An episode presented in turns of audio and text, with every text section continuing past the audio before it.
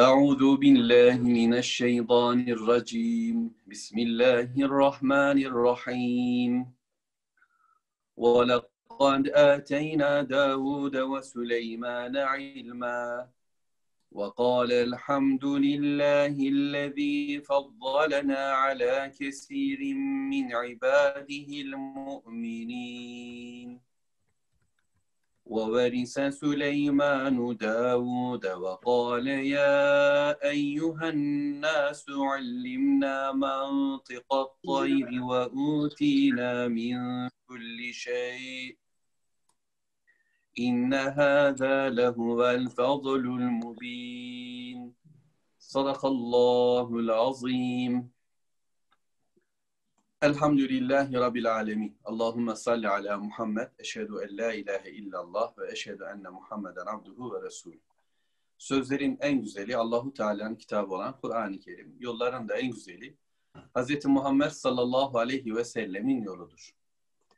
Rabbimizin izniyle Neml suresini okuyoruz. Hamd ediyoruz Rabbimize. Bize böyle bir nimet bahşettiği için. Allah'ın kelamına muhatap olmak, Allahu Teala'nın kelamını okumak şereflerin en büyüğü. Dilimizdeki en büyük şeref de budur zaten. Çünkü zikirdir ve zikir şeref demektir. Allahu Teala'yı anmak, Allah'ı anla, Allah'ı gündeme getirmek bizim için şerefin en büyüğü ve onun kitabıyla şimdi birlikteyiz inşallah. Bundan önceki bölümde Musa Aleyhisselatü Vesselam'ı Allahu Teala bize tanıttı. Onun mücadelesinden bahsetti birkaç ayette. Ve ayeti kerimeler 14. ayeti kerime şöyle tamamlanmıştı. İsterseniz 13'ten itibaren okuyayım. Şöyle felemma ca'etum ayatuna bizim ayetlerimiz onlara geldiğinde hem de nasıl ayetler? Mubsira. Böyle göz açıcı, gözleri değiştirecek, gönülleri açacak ayetler. Ayet zaten biliyorsunuz belge demek, işaret demek. Bir de bu ayetlerle birlikte onların gözleri ve gönülleri açıldı. Buna rağmen gönülleri açılmayan Firavun ve elemanları, etrafındakiler dediler ki hâze galu hâze sihrun mubin. Apaçık bir sihirdir dediler. Göz açıcı ayetlere mübin bir sihir dediler. Net, ayan beyan bu bir göz boyamadır, aldatmadır dediler. Oysa 14. ayet ve cehadu biha bununla mücadeleye girdiler, kavgaya girdiler. Allahu Teala'nın hayata vahiy ile karışmasına bir peygamber göndererek Allahu Teala'nın hayata karışmasıyla bir mücadeleye girdiler. Niye Musa'yı sevmiyorlar? Musa Aleyhisselatü Vesselam sadece onlarla bir iktidar kavgasına girmiyor. Onlar diyorlar ki bizim bilgimiz hayatın sahibidir.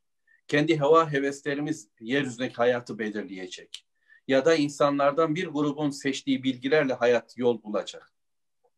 Yeryüzünde Allah'a karşı diklenen bütün kimselerin her ne kadar putları gökyüzünde Tanrı diye edindikleri yıldızlar, güneşler, aylar olsa bile, bir takım sembollere tapıyor olsa bile aslında temelde tapındıkları şey kendileridir. Ve bundan dolayı bir kavgaya girdiler. Oysa وَاسْتَيْقَانَتْهَا اَنْفُسُهُمْ Kendi iç dünyalarında buna kesin iman etmişlerdi.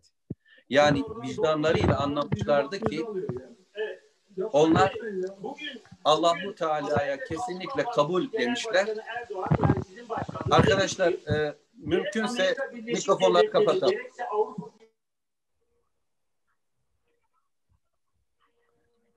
Eyvallah. Teşekkür ederim. وَاسْتَيْقَنَتْهَا اَنْفُسُهُمْ ظُلْمًا وَعُلُوًّا Zulümle ve e, Allahu Teala'ya karşı olan kibirleriyle bir hayatı yaşıyorlardı. Zulmediyorlar insanlara ve Allah'a karşı dikleniyorlar, Allah'a karşı çıkıyorlar. Fenzur keyfe kâne âkıbetul mufsidin. Bak bakalım diyor Allahu Teala. Müfsitlerin, Allah'a karşı çıkanların, bozgunculuk yapanların sonu ne olmuş? Biz sonunu Kur'an'ın başka ayetlerinden görüp biliyoruz. Onların sonu suda boğuldular ve işleri bitti. Rabbimiz Musa Aleyhisselam'ın karşısındaki o Firavun, o zalim sultanı anlattıktan sonra bizlere şimdi Müslümanların rehber olacağı, önderi olacağı bir hayatı tanıtacak. Yani Süleyman peygamberi gündeme getirecek. Şöyle demek istedim.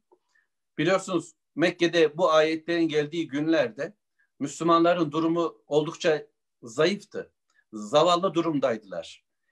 E, etraflarındaki kafirler tarafından eziliyorlar, zorla horlanıyorlardı.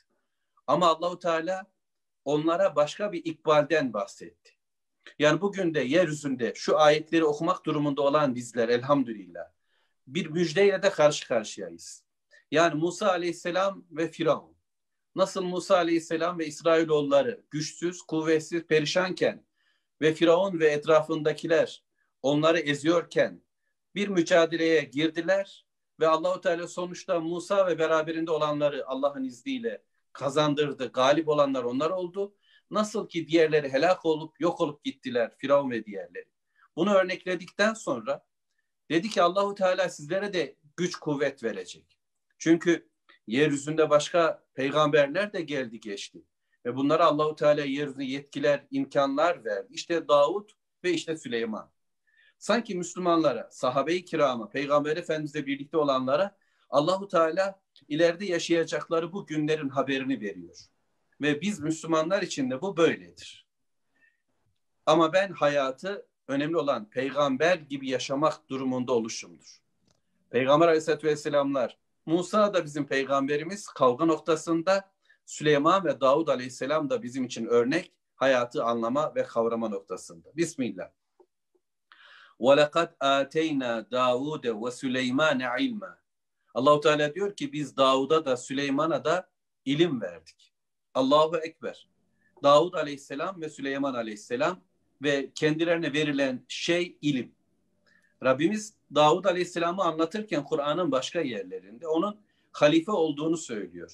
Adam atamız Adem Aleyhisselam Allahu Teala anlatırken bize der ki halife yaratacağım yeryüzünde meleklere söylerken biz bunu dinleriz. Daha sonra bu isim halife durumu bir de Davud Aleyhisselam için kullanılır. Çünkü Davud Aleyhisselam yeryüzünde Allahu Teala'nın istediği şekilde bir hayatı ilk defa uygulama imkanı bulan bir peygamber. Diğer peygamber aleyhisselamlar çoğu zaman bireysel anlamda bir mücadelenin içinde kalmışlardır kavimlerine karşı. Ama Davud aleyhisselam öyle değil. Davud aleyhisselam bir kral oldu. El, Allahu Teala onun melik yani eline bir mülk verdi. Allah'ın istediği yasaları uygulama imkanı nasip etti. Şimdi Rabbimiz Davud Aleyhisselam'ı ve onun oğlu Süleyman Aleyhisselam bize anlatırken diyor ki biz ona ilim verdik. Mülk verdik diyebilir, güç kuvvet verdik diyebilir, zırh kullanma yapma imkanı verdi. Demir elinde hamur gibi oluyordu ve Süleyman Aleyhisselam'a da verilenler şimdi okuyacağız zaten. Fakat Allahu Teala onların bu bilgilerinden ya da onlara verilen bu nimetlerden önce ilimden bahsediyor.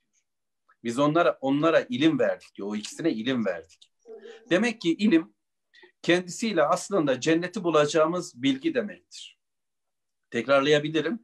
İlim kendisiyle cennet yolunu bulacağımız bilgi demektir. Ve bu bilgiyi veren sadece Allahu Teala'dır.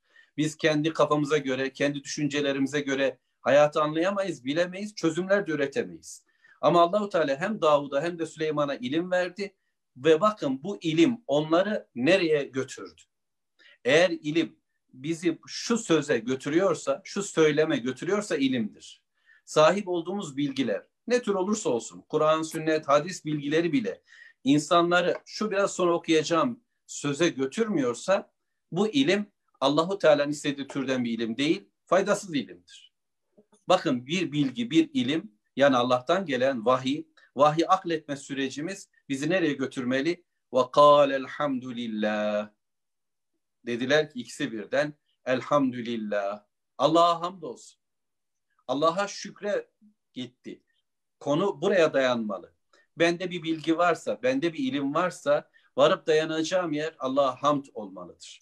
Ve devam edeyim. Hep beraber okuyayım burayı. Ve kâle elhamdülillâhillezî faddalena alâ kesirin min ibâdihil mu'minin. Mümin kullarından pek çoğuna bizi üstün kılan Allah'a hamdolsun. Böyle okuduğumda yani sanki bir hava var gibi gelebilir öyle değil. Burada bir hamd var ki biliyorsunuz Allahu Teala her birimizi diğer bir başkasına göre daha fazlalıklı yaratmıştır. Faziletli yaratmıştır, imkanlı ve yetenekli yaratmıştır.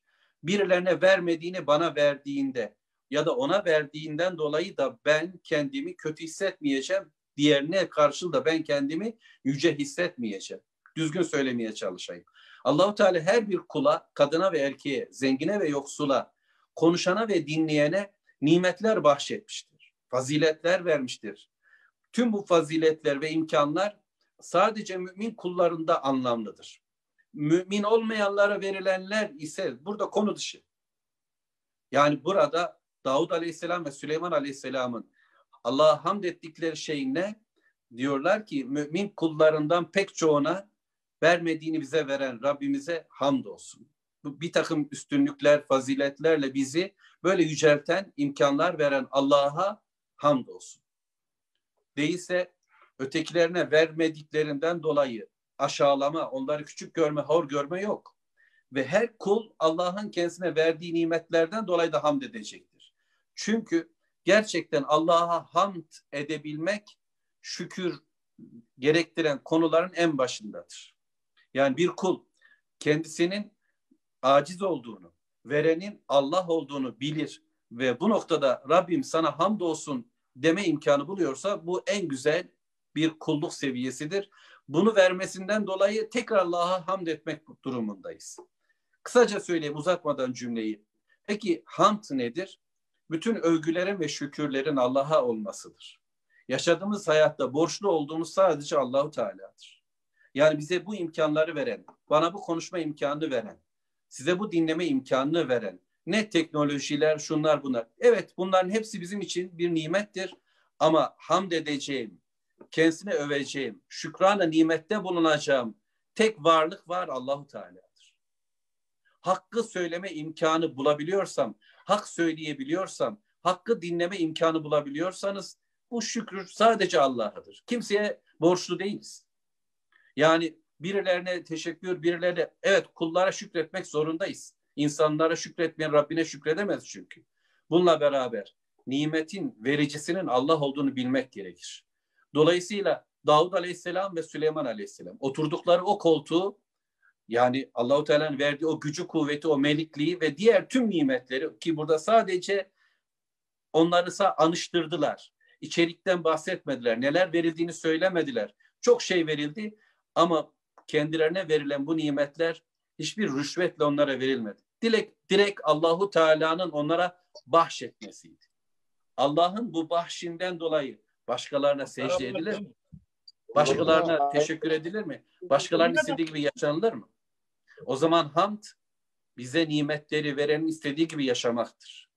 Burada sadece sözü görüyoruz. Elhamdülillah. Yani ama sözün arkasında ne var? Amel de var. Eylemler var. Kulluklarda güzellikler var. Gereğinin yerine getirilmesi var. Evet çünkü ibadet diyor. Kullarından, mümin kullarından pek çoğuna bizi üstün kılan Allah'a hamdolsun. İlim ve hamd. Ve ise Süleyman Davud'e.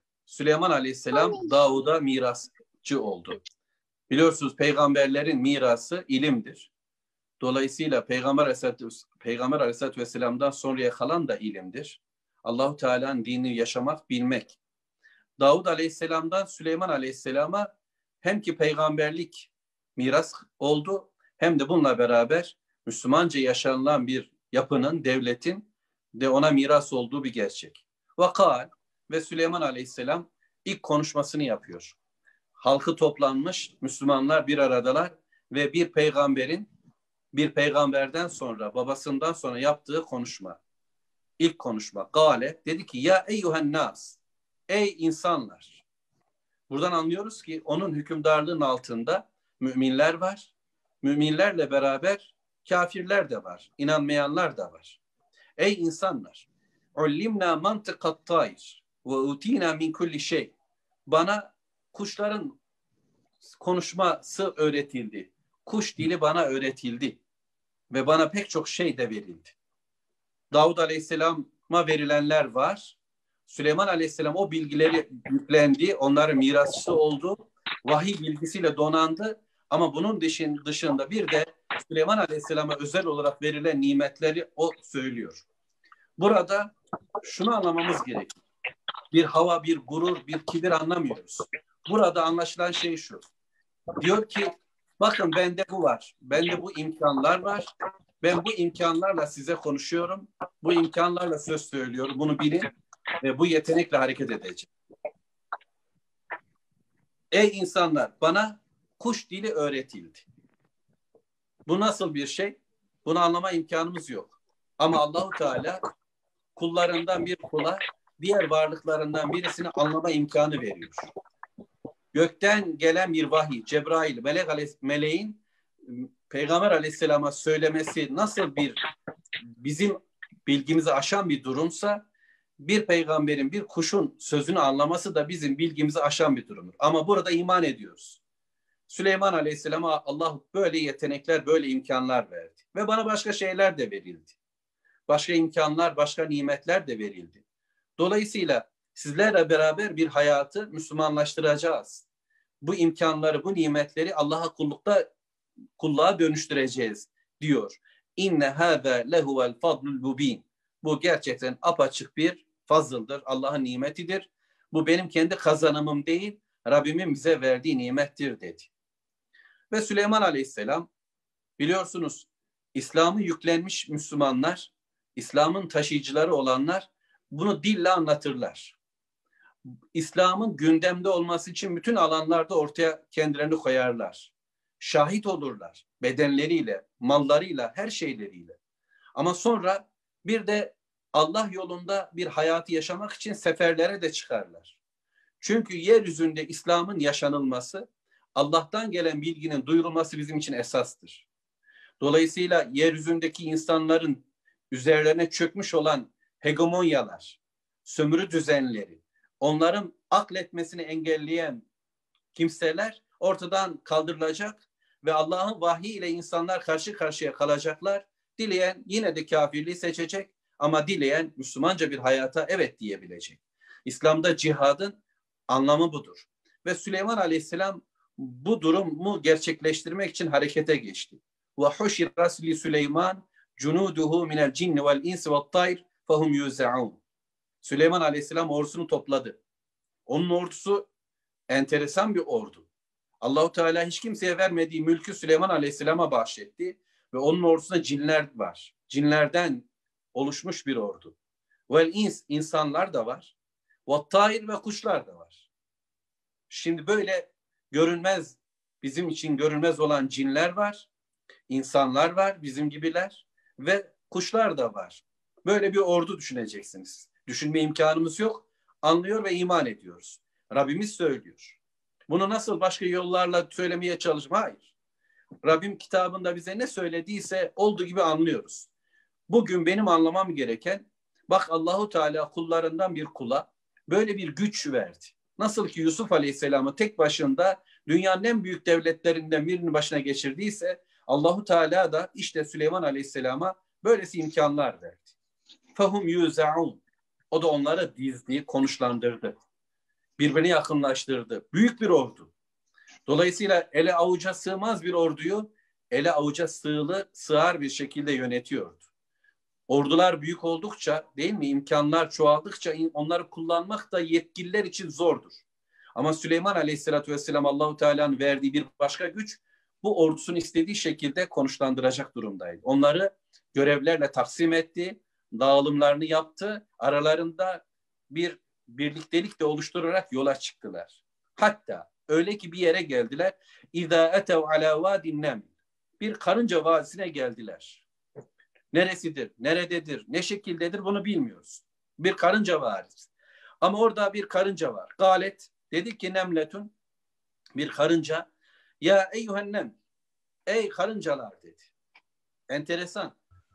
Burada Süleyman Aleyhisselam'la birlikte biz Süleyman Aleyhisselam'ı dinlemiyoruz sadece. Karıncaları da dinliyoruz. Allahu Teala bize onların konuşmalarını aktarıyor. Biraz sonra Rabbim ömür verirse kuşun konuşmasını da dinleyeceğiz. Bize de öğretecek Allahu Teala. Ve Süleyman Aleyhisselatü Vesselam bu vadiden geçerken nasıl geçiyor onu da bilmiyoruz. Kuşların ordusu nasıl geçiyor? Cinler ordusu nasıl geçiyor? İnsanlardan ordu nasıl geçiyor? Bunu bilmiyorum. Ancak burada bir karınca var ki uyarıyor kendi halkını. Ve şöyle diyor. Karıncalar hadi girin evlerinize. Meskenlerinize bir sığının. Çünkü gelen ordu Süleyman'ın ordusu.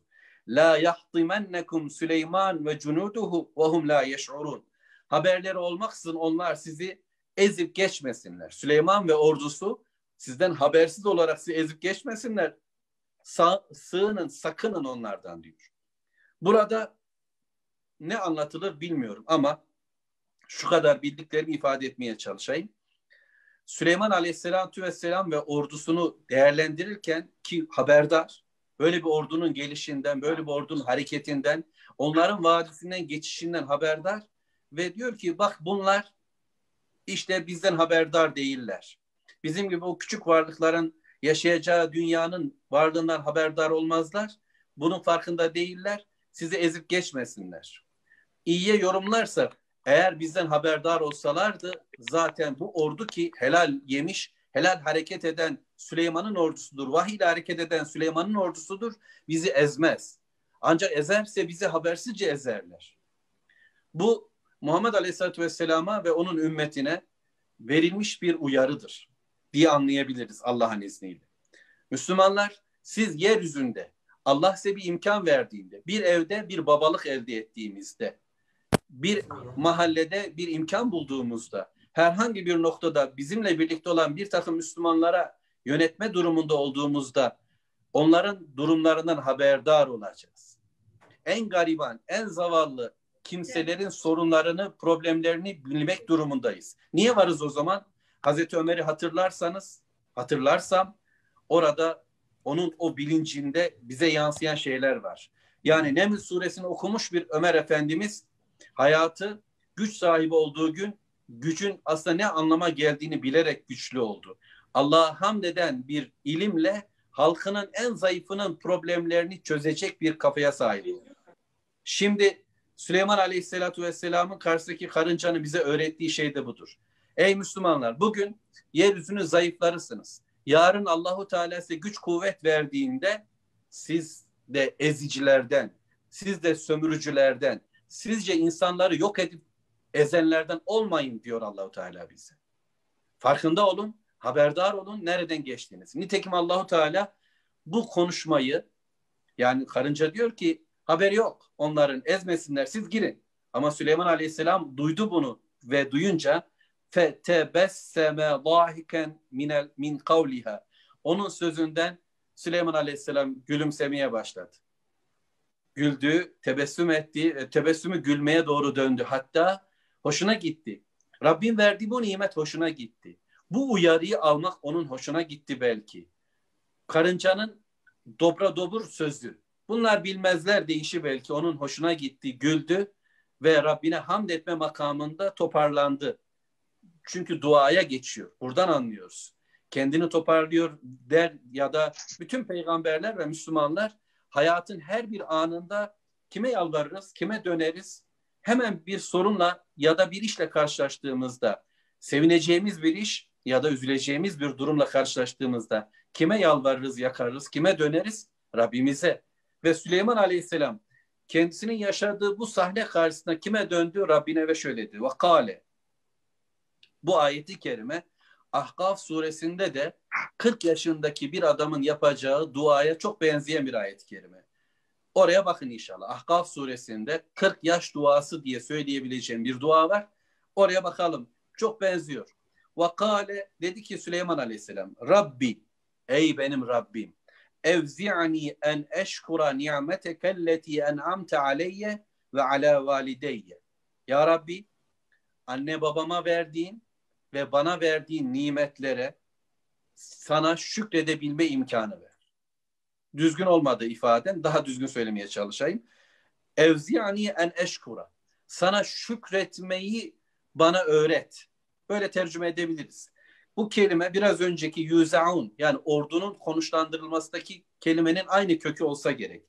Yani Rabbim işte ben, işte bedenim, işte ruhum, bütün yeteneklerim ve imkanlarım, tüm sahip olduklarımla birlikte ben buradayım.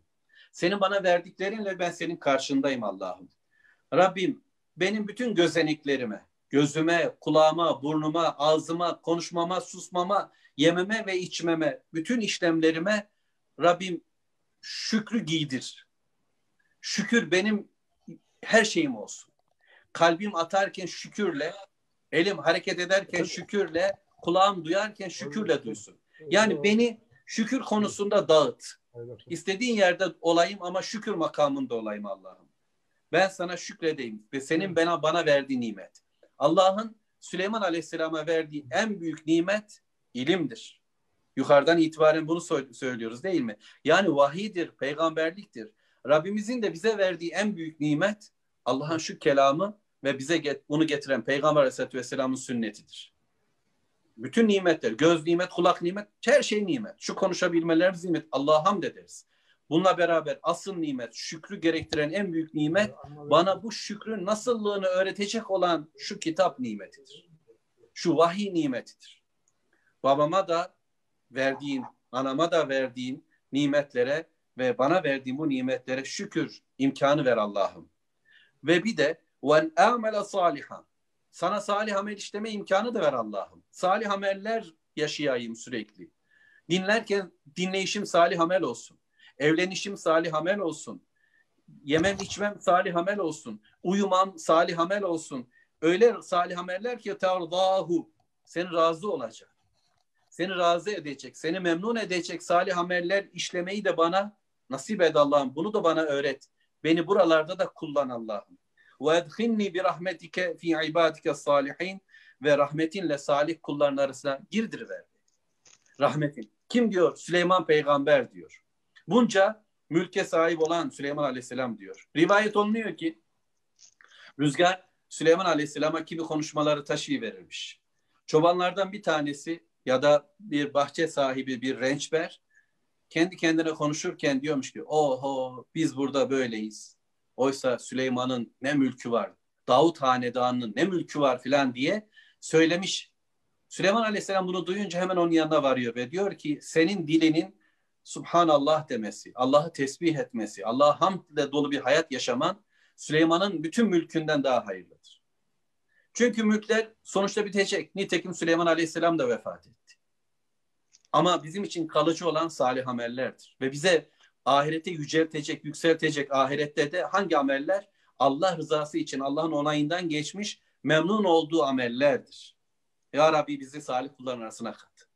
Süleyman Aleyhisselam duasına böyle ekleme yapıyoruz kendi kendimize. Yusuf peygamber de biliyorsunuz onca yaşadığı hayatın sonrasında ne demişti? Tevaffeni musliman ve elhikni bis salihin. Ya Rabbi beni Müslüman olarak öldür ve salihlerin arasına katıver demişti. Bakın aynısını bütün peygamberler dert ediyor. Salih olarak ölmek. Allah'la barışık bir hayat yaşayacağız. Aramız düzgün olacak ve sonra öylece öleceğiz. Geçen bir kardeşime böyle dedim. Allah'la arası bozuk olanın herkesle arası bozuktur. Güzel bile olsa. O barış barış falan desek de eğer Rabbimizle bağlantıda kopukluk varsa, onun vahyini okuyup anlama çabamız zayıflamışsa o zaman bizim hanımımızla da aramız bozuktur. Bizim çocuğumuzla da aramız bozuktur. Bizim konu komşuyla da aramız bozuktur. Bizim her şeyle aramız bozulur. Rabbi ile arası düzgün olmayanın kimseyle arası düzgün olmayacak. Öyleyse beni salih kulların arasına kat dedi Süleyman Aleyhisselam. Biz de öyle söyleyelim inşallah. Ve tefekkadet tayir. Ordu bir noktada konuşlandı, durdu, mola verdi. Ve Süleyman Aleyhisselam orduyu teftiş ediyor şimdi.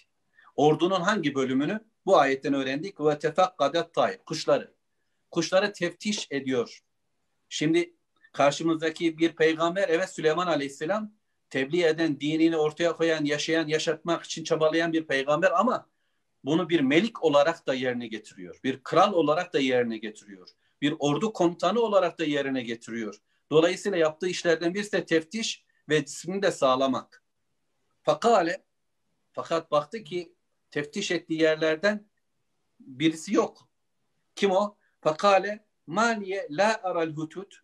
Önce sanki kendini böyle suçlar bir modda Diyor ki e, bana ne oluyor da ben hüt hütü göremiyorum. Yani ben mi göremedim? Yanlışı mı var? Gibi işe başlıyor. Karşıyı suçlamadan karşıyı suçlamadan önce diyor ki ben mi göremedim? Hem yoksa diyor sonra kâne minel gâibîn. Kaybolanlardan mı oldu? Kaçtı mı? Sıvıştı mı yani? Yoksa onu, onu kaybettik herhalde. Öyle mi? Eğer öyleyse le u'azibennehu azaben şedîden. Ben ona çok şiddetli bir şekilde azap ederim. Cezalandırırım. Evle ezbehanne ya da onu keser. Ev ya da üçüncüsü leye'tiyenni bir sultanı mubin. Bana apaçık bir kanıt getirecek. Nerede olduğuyla ilgili bana kesin bir delil getirirse hariç değilse onu ya öldürürüm ya da ona acı çektirir. Böyle dedi Süleyman Aleyhisselam. Çok geçmedi. Femekese gayra ba'id. Az sonra kuş geldi. Hütüt geldi. Fakale ve şöyle dedi. Subhanallah. Şimdi Rabbimiz bize bizim imkanı yok bile bileceğimiz bir konuyu anlatıyor. E göklerin ve yerin Rabbi olan, doğuların batıların Rabbi olan, bizim Rabbimiz olan Allahu Teala bilginin sahibidir. Ve bu bilgiler arşı kürsüyü bilen Allah, hesap gününü bilen Allahu Teala bize aktarmaktadır. Ve Süleyman peygamberle bir kuş arasındaki diyaloğu da ondan öğreniyoruz. Allahu Teala doğruları bilir ve doğru bir şekilde bize aktarmaktadır. Ve bu anlatılanlar efsane değil, hikaye değil, hak gerçeklerdir. Çok geçmeden geldi fekale ve kuş şöyle dedi. Neler oldu, nasıl hareketlerle geldi, ne yaptı bunları bilmiyorum ama şurada bir konuşma var ki bir kuşun onurlu bir şekilde kralın karşısına geçişi var. Edeb ayrı, terbiye ayrı, itaat ayrı ama onurlu olmak da ayrı. İslam toplumunun her bir ferdi onurludur, şereflidir, şahsiyet sahibidir. Şirk toplumunda ise en yukarıda olanlar bile onursuzdur, şerefsizdir. Kendilerini ifade edemezler, kişilikleri yoktur. Çünkü başkalarının egosuyla hareket ederler ve tribünler onlar için önemlidir. Yani riya toplumudur şirk toplumları. Çünkü insanların ne dediği önemlidir. İnsanlara dayalıdır. Tevhid toplumu ise Allah'ı birlemiş bir toplum ise sadece Allah'ın rızasını önemseyen bir toplumda insanların durumu çok önemli değildir. O meliktir, ben de Allah'ın bir kuluyumdur. Dolayısıyla burada bir kuş bize şunu öğretiyor. Duracağı yeri biliyor. İtaat edecek karşısındakine ama asıl kulluğunun Allah'a olduğunu farkında. Bundan dolayı böyle onurlu bir konuşma var. Rahat bir konuşma. Ezik büzük, yalanlarla işi kurtarmaya çalışan bir adam yok. Bu bakımdan ashab-ı kiram da Muhammed Aleyhisselatü Vesselam'ın yanında başlarında kuş varmış gibi duruyorlardı. Edep timsaliydi hepsi. Ama her birisi onur doluydu. Efendimiz sallallahu aleyhi ve sellem onlara böyle bir şahsiyet, böyle bir kimlik kazandırdı. Bu bakımdan Ebu Bekir Efendimiz'e de, Ömer Efendimiz'e de, Osman Efendimiz'e, Ali Efendimiz'e de itaat ettiklerinde itaatleri Allah'aydı. Bu bakımdan itaat ettiklerinin farkında olarak şahsiyetlerini korudular. Allah'a itaat olmayan yerde şahsiyette korunamaz. Şimdi şöyle dedi. Ehattu bima lem tuhit bi. Subhanallah. Dedi ki ben öyle bir bilgiye ulaştım ki öyle bir bilgiyi ihata ettim, ona ulaştım ki sen ona ulaşamadın. Senin bilmediğin, senin kuşatamadığın, ulaşamadığın bir bilgiye ulaştım. Bu yeterli değil mi? Yani böyle bir giriş cümleye bakın. Süleyman Aleyhisselam bana her şeyin bilgisi verildi diyen, kuşların konuşması bana öğretildi diyen, karıncaların sesini duyan, cinlerden ordusu, insanlardan ve kuşlardan ordusu olan Süleyman Aleyhisselam. Karşısındaki bu. Ve ona diyor ki senin ulaşamadığın bilgiye ulaştım. Burada Süleyman Aleyhisselam'a ders, bize ders, Peygamber Aleyhisselam'a ve sahabesine anlatılan bir bilgi var. Öyleyse bilginin sahibi Allahu Teala'dır. Ve insanlara, mahlukat Allahu Teala bundan bir kısmını ulaştırmıştır. Bu bakımdan gurur yok, kibir yok, ben bilirim yok. Ben yeryüzünün en zavallısıymışım gibi dinleyeceğim dünyayı, Allah'tan gelen bilgiyi. Kibirlenmeyeceğiz. Bilen Müslümanlar için en büyük sıkıntı bilginin oluşturduğu kibirdir. Koltuk sahibi için de koltuk kibirdir. Para sahibi için de para kibir ve tehlikedir. Onlar da onu düşünecekler. Şimdi burada asıl konuyu böyle anlayalım. Ben senin ulaşamadığına ulaştım dedi Hüt Ve şöyle dedi. Vecittuke min sebe'in binebe'in yakin. Ve ben Sebe kavminden kesin bir haberle geldim sana. Nebe biliyorsunuz Kur'an'da bir surenin adı. Haber. Şok edici. çok etkili, çok önemli bir haber demektir. Yani benim sana getirdiğim bir dedikodu değil. Yani oradan buradan çalınmış, çılpılmış işte böyle diyorlar filan değil. Ya kesin, net böyle bir haber, büyük bir haber de sana geldim Sebe ülkesinden. Yemen taraflarında biliyorsunuz Sebe kavmi yaşıyor. Oradan bir bilgiyle sana geldim. Hem de kesin bir bilgi. Aspragas haber değil, yalan dolan haber değil, kurgu bir bilgi değil. Durumumu kurtarmak için söylediğim bir haber değil, kesin bir haberle sana geldim dedi. Ve başladı konuşmaya. Yani Süleyman Aleyhisselam demek ki ona imkan tanıdı ki o da konuşmasına bu haberin ayrıntılarına girdi. Dedi ki ben diğer sayfaya geçtim hocalarım. Sayfa 23 şey özür dilerim ayet 23 sure Neml. Kur'an'daki sayfayı da söyleyeyim madem öyle bir dilimiz geldi. 380. sayfa. İnni vecettum ra'eten temlikuhum. Ben orada bir kraliçe buldum. Bir kadın buldum ki bu kadın e, onlara yöneticilik yapıyor. Bir kavim var, Sebe kavmi ve o kavminin yöneticisi bir kadın. Ve utiyet min kulli şeyin ve ona her şey verilmiş. Yani bu ayeti bir bakın, ayetin bu bölümüne Süleyman Aleyhisselatü Vesselam da öyle demişti ya ilk konuşmasında. Ve utina min kulli şey. Bana her şey verin. Yani onda da bir şeyler var. Güç kuvvet sahibi olmak noktasında az da bir şeye sahip değil. Pek çok şeye sahip bir kraliçe. Ülkenin sahibi bir kadın, yöneticileri o ve ona da pek çok şey verilmiş. Şöyle bir farklılığı da var, bir artısı da var. وَلَهَا arşun azim. Onun muazzam da bir tahtı var. Çok görkemli, etkileyici bir tahtı var oturduğu. Yani güç kuvvet sahibi, ülkesinde saygın bir yeri var. Bununla beraber gerçekten oturduğu taht da çok görkemli, çok havalı. Büyük, azim bir tahtı var. Şimdi Süleyman Aleyhisselam'ın mülküyle, Süleyman Aleyhisselam'a verilenlerle bu kraliçeye verilenler kıyaslanır mı? Kıyaslanmaz. Çünkü Müslümanların en zavallısına bile verilen şey Allah katından gelen bir vergidir ve bu verilen dünya ve ahiret anlamıyla kavrandığı için muhteşemdir. Şunu söylemeye çalışıyorum. Bana verilen nimetler kulluğa kullanıldığından dolayı muhteşemdir ve bunun gibisi kimseye verilmemiştir. Ama Allah yolunda yaşamayan, Allah adına yaşamayan toplumların sahip oldukları şeyler onlara bir kahırdır, bir yüktür. Bunun bir anlamı da yoktur. Dolayısıyla bugünün en zavallı Müslümanı bile karşımızdaki dünyanın en görkemleri karşısında ezilmeyecek. Çünkü onlara verilen dünya onlara yük ve kahır olacak.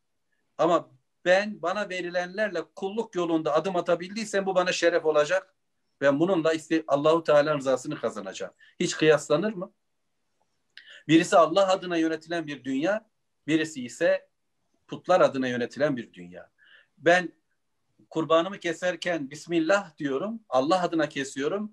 Onlar ise keserken hayvanlarını Bismillah diye kesiyorlar. Başkaları adına kesiyor. Aynı şey olur mu? İkimiz de bir hayvana sahibiz. Ya da ikimiz de bir evliliğe sahibiz. İkimiz de bir para yapıla sahibiz. Alakası olmayacaktır.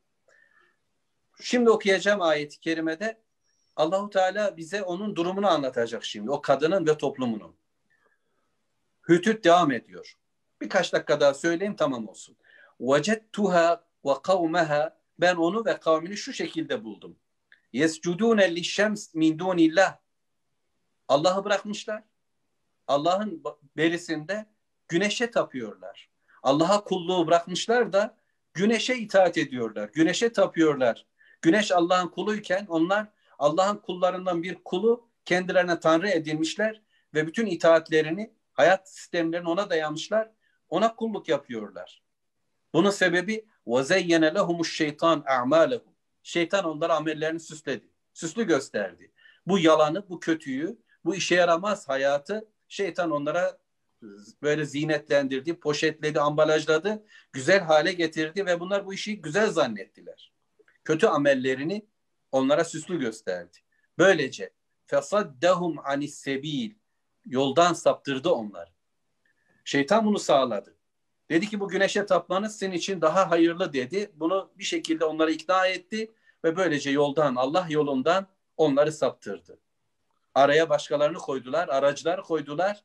Bu güneş tapınmasıyla bir şeref, bir güç elde etmeyi planladılar. Şeytan bu yaptıkları eylemleri, dünyaya sahip olmayı onlara hoş gösterdi ve bu yola girdiler de fahum la yehtedun hidayet de bulamadılar. Bir yol, bir çıkış da bulamadılar. Gözler kapandı mı? Kulaklar tıkandı mı? Gönüller işte bağlandı mı? Gidiş nereye? Şeytan onların önlerini tıkadı. Sonra ella yescudu lillah ve böylece şeytanın amacı Allah'a secde etmemeleri içindi bu yaptıkları. Böylece Allah'a kul olmayacaklardı. Başkalarının önünde eğilecekler, başkaları için bir hayat yaşayacaklar.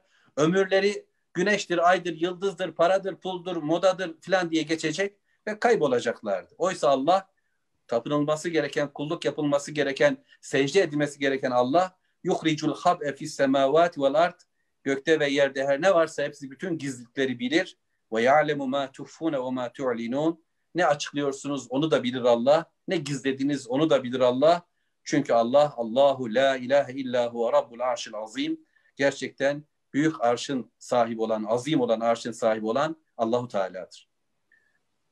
Kardeşlerim şimdi bu okuduğum ayeti kerime biliyorsunuz secde ayeti ve burada secde etmemiz gerekir. Mümkün olan, müsait olanlar hemen secde etmelidirler. Ben de öyle yapacağım Allah'ın izniyle. Sonra vedalaşacağım. Çünkü e, Allah'a kulluğun ertelenmesi hoş değil. Hatta bu kadar cümle kurmam bile hoş değil. Ben secde ediyorum. Sonra konuştuğumuz yerden devam edelim. Siz de bulunduğunuz yerde secde edebilirsiniz.